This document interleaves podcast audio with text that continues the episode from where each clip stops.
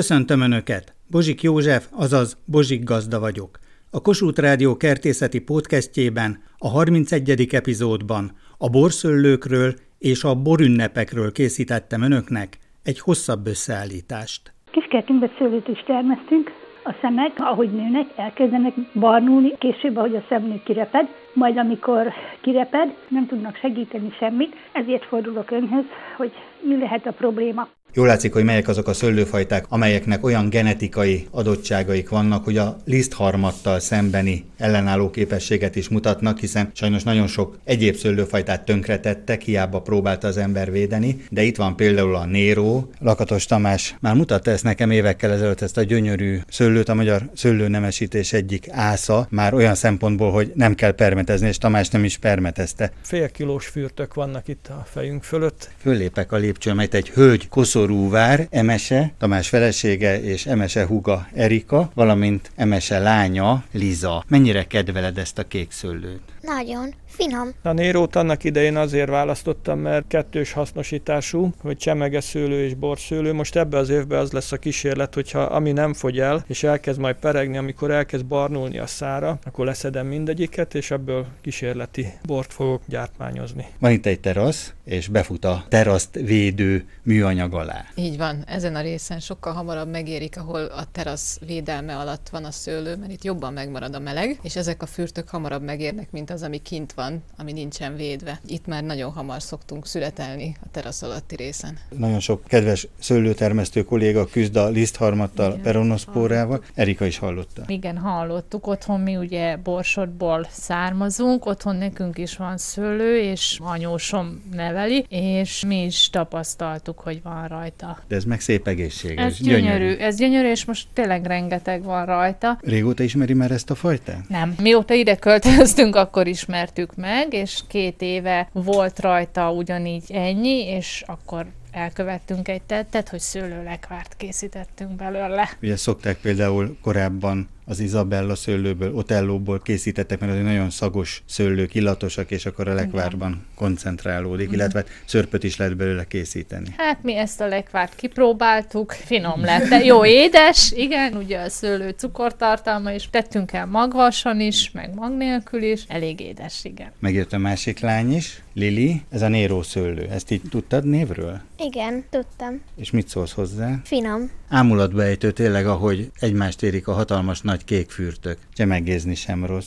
Igen, szoktunk enni belőle. Akkor ez egy jó választás volt, hogy akkor férje jól választott, mert egyébként nagyon sokféle rezisztens magyar szőlő közül választhatott volna, mint mondjuk Palatina, Eszter, van egy ilyen kék szőlő, ami hasonlít ehhez. Palatinát augusztusi muskotájnak hívták korábban. Valóban egy jó választás volt ez a Néró szőlő, mert hamar érik, és tényleg finom, és igazából nincs gond vele, tehát nem szokta permetezni, és anélkül is gyönyörű. Szőlőket válogatnak. Miért keresnek? Biankát keresünk. És miért? Hát mert jó tűrőképes. Ellenálló. Ellenálló, így van. Dr. Hajdó Edit szőlőnemesítővel Kecskeméten találkoztam, és elmondta azokat a hazai fajtákat, amelyek kiemelkedtek azzal, hogy ellenállóak voltak a peronoszpóra, a lisztharmat, vagy éppen a szürkepenész támadásának. Dr. Hajdó Edit több könyvet is írt a magyar szőlőfajtákról, jó néhány fajta leírását sikerült rögzítenem a jeles fajtakutatóval. Szeretném bemutatni ezeket az új értékeket, amelyek közül már nagyon sokat meg is tudunk vásárolni a faiskola járudákban, akár most ősszel, vagy legkésőbb tavasszal. 1995-öt szeretném említeni, amikor a szelek hozták a peronoszpóra konidiumokat délről. Ez egész döbbenetes, hogy egész Olaszországból, sőt Észak-Afrikából is ide tudja hozni a szél. Igen, ez így volt, és nem tudtuk követni a konidiumoknak a terjedését, és az is szinte kivéthetetlen fertőzés volt. Nagyon ügyesnek kellett lenni a növényvédő szakembernek, az úgynevezett növényorvosnak, ahhoz, hogy megmentse a tőkéit ettől a gombafertőzéstől fertőzéstől. Viszont tényleg a szőlőnemesítőnek egy nagyon jó évjárat volt, mert jól ki lehetett szelektálni azokat a fajtákat, amelyek peronoszpora tűrők, és ezek a rezisztens fajták.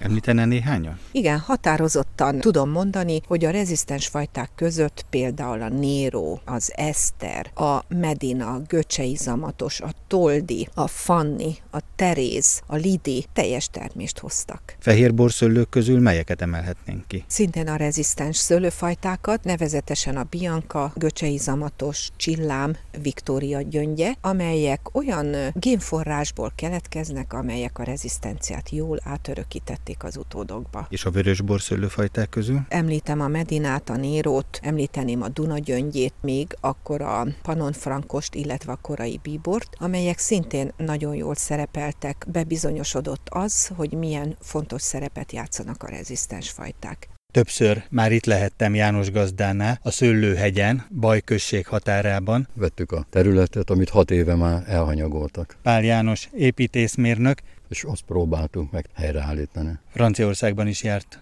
Bordóban nézte, hogyan szőlészkednek a franciák. Hát igen, megnéztük a bordói borvidéket, a provanszi borvidéket, a dordonyi szőlőborvidéket is végigjártuk. Próbáltunk tapasztalatot gyűjteni és kóstolgatni a helyi finomságokat.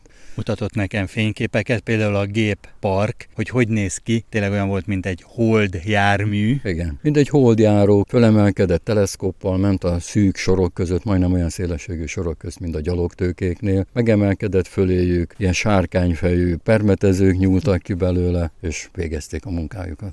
Érdekes volt, ahogy mutatta a képeket, ott is látható, hogy Franciaországban is a napégés volt olyan szőlőfürt, mert nagyon szépen leszedték a franciák a fürt zónáról a leveleket, hogy érje a nap, ne legyen beteg, átjárja a szél, de ott is azért a napégést lehetett látni egy-egy tőkén. Igen, hát sajnos ilyen az élet. Például próbáljuk itt azonosítani, hiszen ugye nem ön volt, aki megválasztotta volna a fajtákat, és például az alagyöngyét tudtuk azonosítani. Filmfelvételeket készítek minden sorról, hogy lássam, hogy milyen volt az idei termés, meg hogy melyik tőkék azok, amikkel érdemes tovább foglalkozni. Ugye ez egy ilyen 80-100 éves telepítés, az, amitnek egy részét mi tavaly, meg az idén tavasszal kivágtuk, és helyette most telepítettünk 270 jellemzően rezisztens fajtájú csemegeszőlőt, amiknek egy jelentős része, ugye a háromnegyede, az borszőlőként is használható. Tehát ezek az új magyar ellenálló fajták. Mutatta itt a Nérót, például már van, amelyik hozott egy-egy pirinyó kisfürtöt. Valamelyik reggel szóba került egy szőlőfajtának a gyógyhatása. Szőlőfajtát nem hallottam, tehát a nevére lennék kíváncsi. Szeretném, hogyha megismételné legalább a szőlőfajta nevét. Itt van ez a jó kis kertbarátkör. Most ültettem már Nérót is, de az még nagyon kicsi. Titkár úrtól kapta, mert itt idehozta ezt a gyönyörű fürtöt, tehát erre hát büszke. Ő, ő áradozott róla, és együtt csináljuk a dolgot, mert... Óriási sikert aratott ez a szőlőfajta Németországban Svájcban és Ausztriában. A gyógyászati értékeit is kiemelik, ugyanis a resveratrol tartalma, ez nagyon magas. Szívbetegségekre hallottam és olvastam, hogy bizonyos vörösbor fajta szőlők, különösképpen a magja és a héjában olyan anyagok vannak, amely a szívinfarktus csökkenti, és a szívbetegségekre nagyon jó és alkalmas arra, hogy ebből fogyasszunk. Hogyha már a fajták birodalmában barangolunk, akkor mutatott egy fényképet egy francia francia lerakatot, ahol konténeres szőlőket árusítottak, és ott volt a Csaba gyöngye francia néven. Igen, a Pörlov Csaba. Nagyon meglepődtünk rajta, Szenemillionban voltunk, Szenemillion hegyközségbe, és az utcán sétálva, hogy ledöbbentünk, hogy a polcra ki volt téve, és köztük a Csaba gyöngye volt középen. Ott volt a neve és az ára, ami két és fél euró. euró volt. Igen, két és fél euró. Olyasmi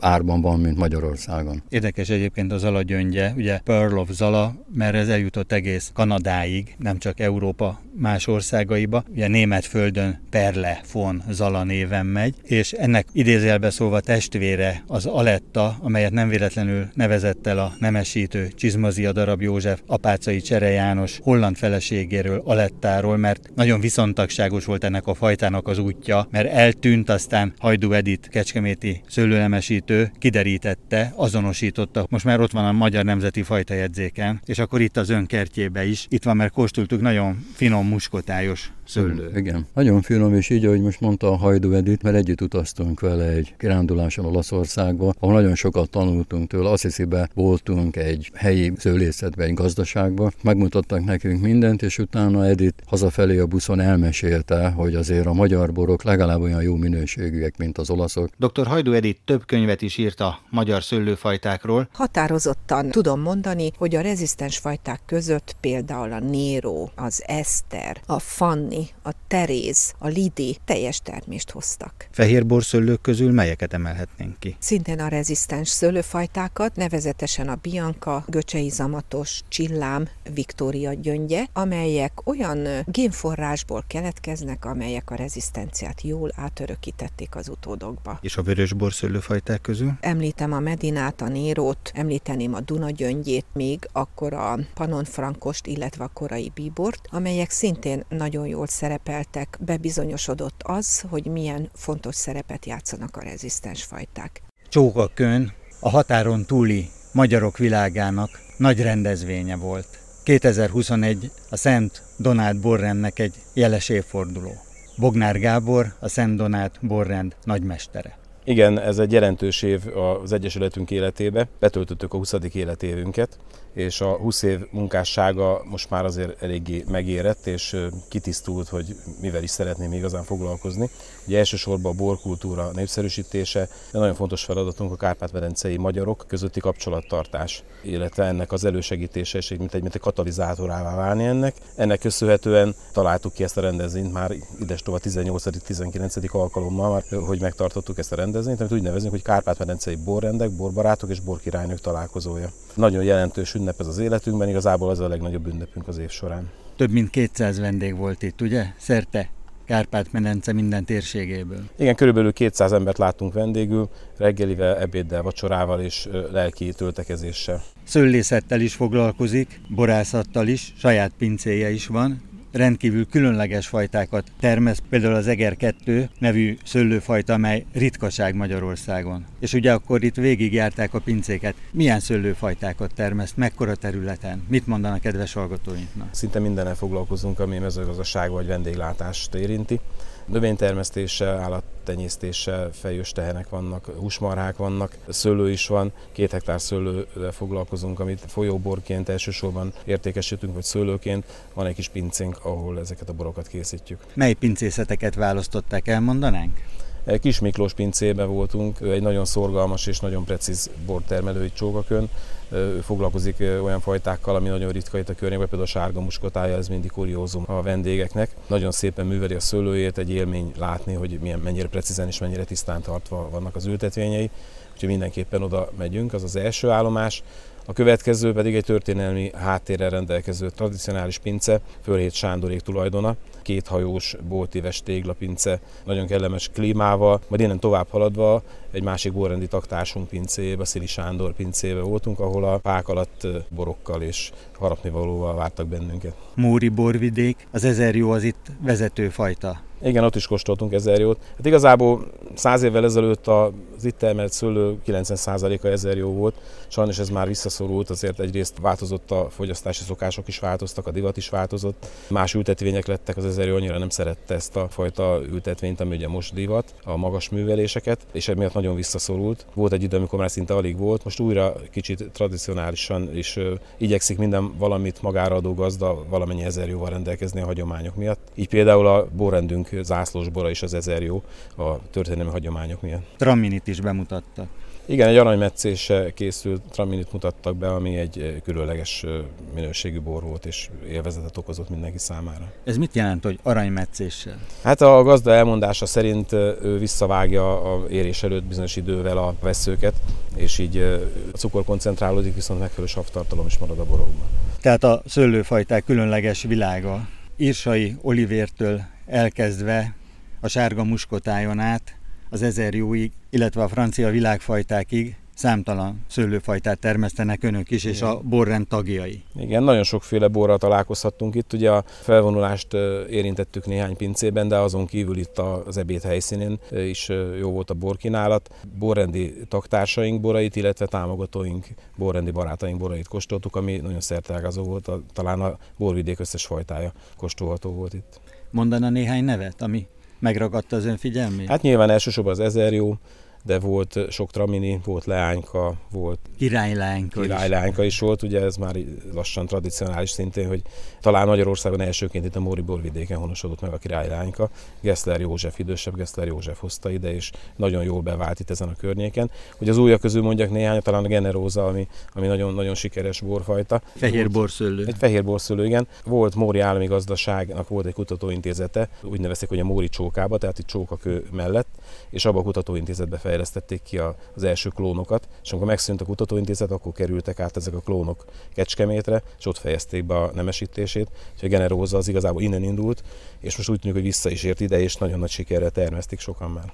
15 millió búzaszem az összetartozás jelképe, de itt csókakön is az összetartozás, a Kárpát-medencei összetartozás rendkívül fontos volt, több harmonika mester is jeles dalokat játszott és énekelték az emberek. Így ugye voltak harmonikások, voltak néptáncosok voltak. A fiatalok a itt fiatalok, vannak. Így van. Ez csók... nagyon nagy dolog. A Csókakői Barkóca Berkenye néptánc együttes tagjai több helyen is kis bemutatóval szolgáltak. A legkisebbektől, akik mondjuk óvodások, a nagyobbak, akik, akik középiskolások már, vagy általános iskolások, vagy éppen főiskolások, ők is műsort szolgáltattak, és igyekeztek segíteni abban, hogy jól érezze magát mindenki. Hát a kedvenc borom, a kevert bor az olasz rizling és a sardoni keverék 80-20 százalékba.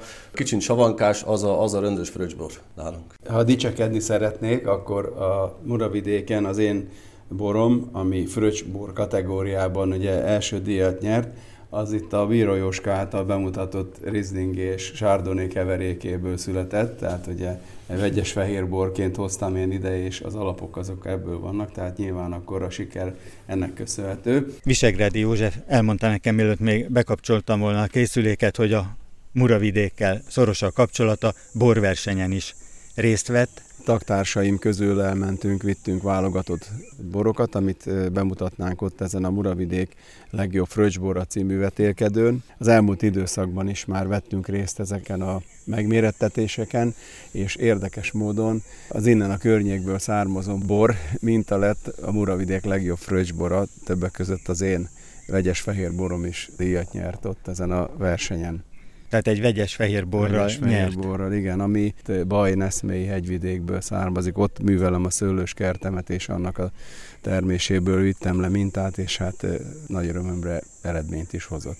A 15 millió szőlőszem, az is lehetne összetartó erő, és Balaskó József, Visegrádi József ott voltak mindketten egy határokon átívelő kezdeményezésen, Csókakön, Balaskó József.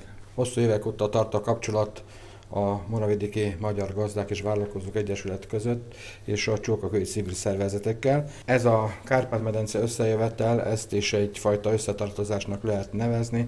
Évtizedek óta oda járok, évről évre több a különböző Kárpát-medencé régiókból a jelenlévő, és így is bővítjük a saját ismeretségi körünket, és így persze különböző szakmai tapasztalatokat is tudunk cserélni. Tehát akkor 15 millió búzaszem, 15 millió szőlőszem, az összefogás szimbóluma. 2021-ben is ez nagyon fontos az államalapítás ünnepe szempontjából. Hát igen, csak úgy hiszem itt azért a buza előnyben van, hiszen a magyarok kenyeréről beszélünk, tehát azt tudjuk, hogy a magyarok kenyere milyen fontos szerepet játszik el a, úgymond már a mindennapi életbe. Szent István királyról is emlékezünk, a kenyer az, amelyeket akkor megszentelünk, tehát úgy hiszem, hogy azért ez a buzaszemek, tehát ez egy különleges szimbóluma, úgy a magyarságnak is, amit esetleg tehát a borra még nem, nem tudjuk elmondani, de a buzára mindenképpen, tehát ez is egy ilyen összetartozási szimbólum. A kereszténység felvétel és az új szövetség, a bor és a kenyér együtt van. Tehát igen. együtt is lehetne. Igen.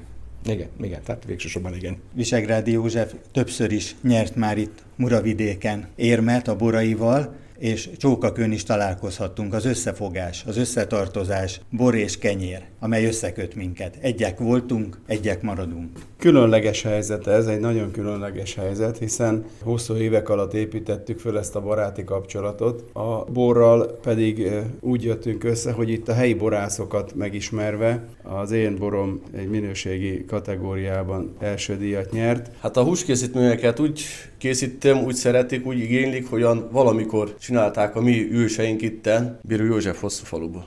Hentes mester.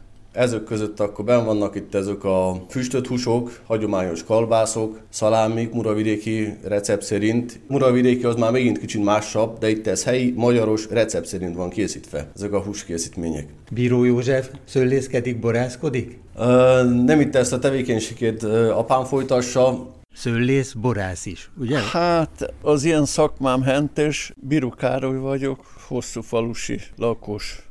De nyugdíjas koromban most mindent csinálok. A szőlővel dolgozok, van egy kis mezzünk, azon buzát termelünk, kukoricát. Milyen szőlőfajtákat termesz? Nero, amiből szörpöt csinálunk, legtöbbnyire még olasz rizling van, meg uh, ilyen vegyes bort szokok csinálni a Sauvignonból, meg a Rieslingből. Nagyon szép ez a szőlőlugas is itt a háznál. Hát igen, ez bioszőlő, ez ugye jobban a zárnyig véget, meg így ősszel, mikor érik, akkor a gyerekek is, meg a család elszemezgeti. Milyen fajta? Hát itt van több fajta, van benne Jurka, akkor Nero is van benne, Phoenix, más fajták is vannak, mindentől másfajta. De akkor a ellenálló szőlő. Igen, ez nincs permetezve. Ez nem kap egy szömpermetszert sem.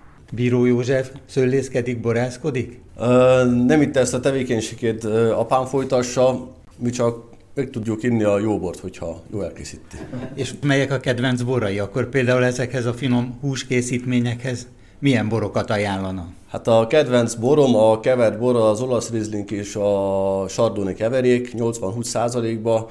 Kicsit savankás, az a, az a rendes fröccsbor nálunk. És akkor ezekhez a kolbászfélékhez ezt javasolja? 100 százalékosan ajánlom. Kedves hallgatóink, van egy éjjel-nappal működő üzenetrögzítő, ezen várom az önök kertészeti kérdéseit, amelyek alapján készítem el az újabb összeállításokat. A telefonszám a következő 061 328 73 00. Várom Önöket egy újabb epizóddal a Bozsik Gazda Podcastben.